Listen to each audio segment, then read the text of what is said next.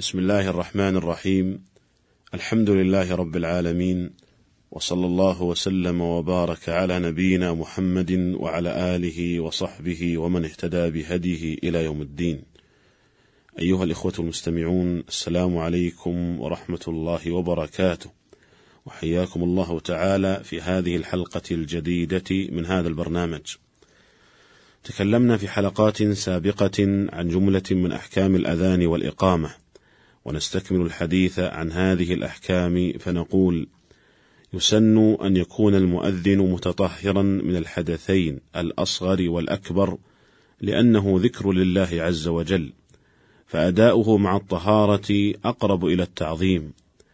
ولقول النبي صلى الله عليه وسلم لمن سلم عليه فلم يرد عليه السلام حتى توضأ إني كرهت أن أذكر الله عز وجل إلا على طهر أو قال على طهارة. أخرجه أبو داود بسند صحيح. وقد اتفق الفقهاء على صحة الأذان والإقامة من المحدث حدثا أصغر. وقد حكى هذا الاتفاق الوزير بن هبيرة رحمه الله تعالى. وهل يكره الأذان والإقامة للمحدث المشهور من مذهب الحنابلة أنه يكره أذان الجنب دون المحدث حدثا أصغر فلا يكره وتكره إقامة المحدث مطلقا. ومن الفقهاء من قال يكره الأذان من المحدث مطلقا سواء كان حدثه أكبر أو أصغر وهو مذهب المالكية والشافعية. والأقرب والله تعالى أعلم هو ما ذهب إليه الحنابلة من أنه لا يكره أذان المحدث حدثا أصغر. ويكره الأذان والإقامة للمحدث حدثا أكبر. وذلك لأنه لم يثبت شيء في كراهة الأذان من المحدث حدثا أصغر.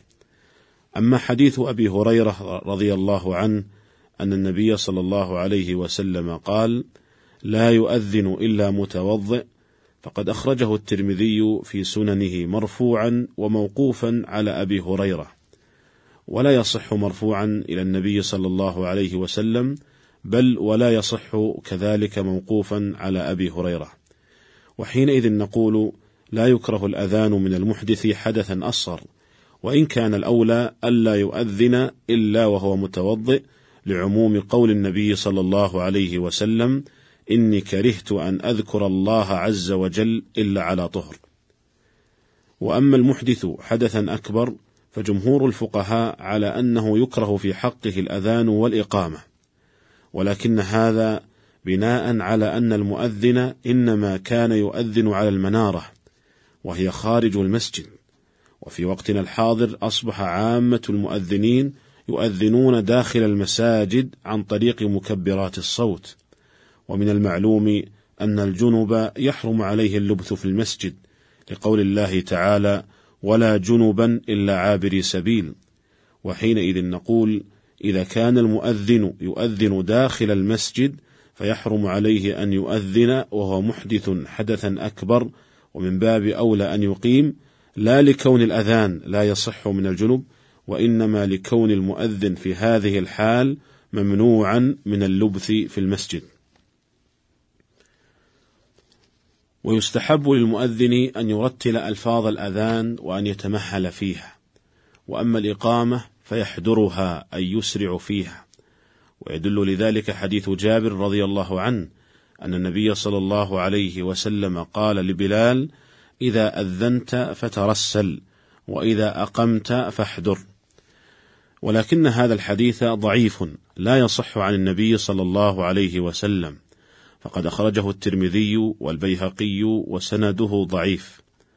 ولكن يوجه لذلك من جهة المعنى أن الأذان إعلام للغائبين فالترسل فيه والتمهل والترتيل أبلغ في الإعلام.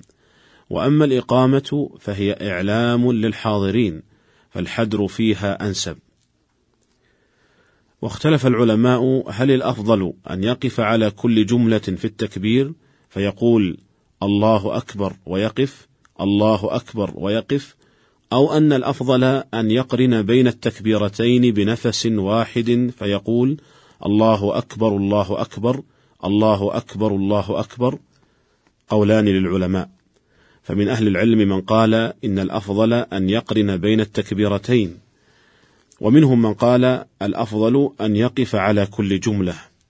والأقرب في هذه المسألة والله تعالى أعلم هو أن يقف على كل جملة وهذا هو مقتضى كلام أهل اللغة.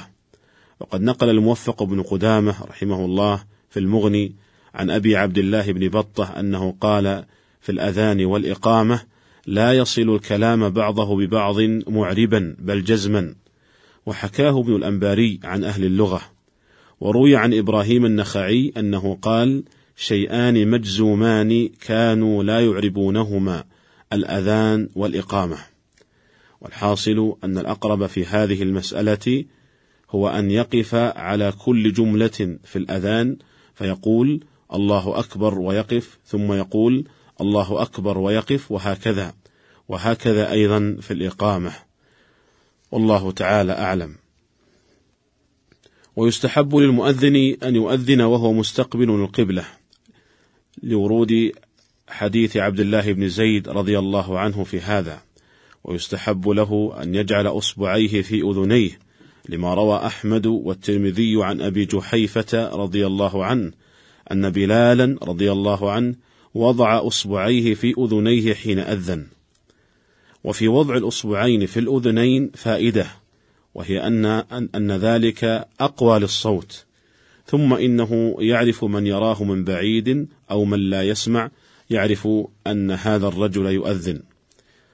وذكر بعض الفقهاء صفة أخرى وهي أن يجعل يديه على أذنيه ويضم أصابعه. وقد روي ذلك عن الإمام أحمد رحمه الله كما في رواية أبي طالب لحديث أبي محذورة أنه كان يضم أصابعه.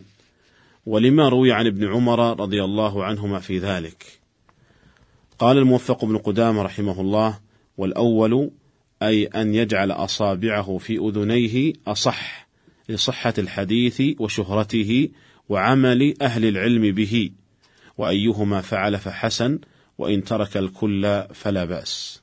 فعندنا هنا صفتان. الصفة الأولى أن يجعل أصابعه في أذنيه والصفة الثانية أن يضم أصابعه ويجعلهما على أذنيه من غير أن يدخل أصابعه في أذنيه فكل من الصفتين قد روي إلا أن الأشهر والمعروفة عند أكثر أهل العلم هي الصفة الأولى وهي أن يجعل أصابعه في أذنيه. قال شيخ الإسلام ابن تيمية رحمه الله: يستحب للمؤذن أن يرفع فمه ووجهه إلى السماء إذا أذن أو أقام. نص عليه أحمد. قال لأن التهليل والتكبير إعلان بذكر الله تعالى لا يصلح إلا له، فاستحب الإشارة له كما تستحب الإشارة بالإصبع الواحدة في التشهد. انتهى كلامه رحمه الله. ويستحب للمؤذن أن يلتفت في الحيعلتين يمينا وشمالا، أي عند قول حي على الصلاة حي على الفلاح، لما جاء في الصحيحين عن أبي جحيفة رضي الله عنه قال: رأيت بلالا يؤذن فجعلت أتتبع فاه ها هنا وها هنا يقول يمينا وشمالا حي على الصلاة حي على الفلاح. قال الموفق رحمه الله: يستحب للمؤذن أن يلتفت يمينا إذا قال حي على الصلاة، ويسارا إذا قال حي على الفلاح ولا يزيل قدميه. وذهب بعض الفقهاء إلى أنه يلتفت يمينا لحي على الصلاة في المرتين جميعا، وشمالا لحي على الفلاح في المرتين جميعا. وهذا القول هو الأقرب وهو ظاهر السنة. والالتفات هنا التفات في كل الجملة، أما ما يفعله بعض المؤذنين من أنه يقول حي على مستقبل القبلة ثم يلتفت فيكمل فيقول الصلاة فهذا لا أصل له. والحكمة من هذا الالتفات إبلاغ المدعوين من على اليمين وعلى الشمال. وبناء على هذا هل نقول إن المؤذن إذا أذن بمكبر الصوت لا يلتفت لأنه لو التفت لضعف صوته. أقول هذا هو الظاهر والله تعالى أعلم لأن هذا الالتفات يتسبب في إضعاف الصوت وهذا يتنافى مع المقصود من الأذان وهو إبلاغ الغائبين بدخول وقت الصلاة. ولكن مع هذا ينبغي للمؤذن أن يلتفت قليلا بالقدر الذي لا يضعف معه الصوت ويحصل به إصابة السنة إن شاء الله تعالى. والله أعلم. ويصح الأذان من الصبي المميز لأنه يؤمر بالصلاة وتصح صلاته بل وتصح إمامته على القول الراجح. وقد أم عمرو بن سلمة قومه وعمره سبع أو ثمان سنين وإذا صحت إمامته فيصح أذانه من باب أولى. وأما ما يرى من أن بعض العامة ينكر على الصبي إذا أذن فهذا لا وجه له بل إنه تصح صلاته وإمامته فيصح أذانه من باب أولى. أيها الإخوة المستمعون هذا هو ما اتسع له وقت هذه الحلقة ونستكمل الحديث عن بقية أحكام الأذان والإمامة في الحلقة القادمة إن شاء الله تعالى. والسلام عليكم ورحمة الله وبركاته.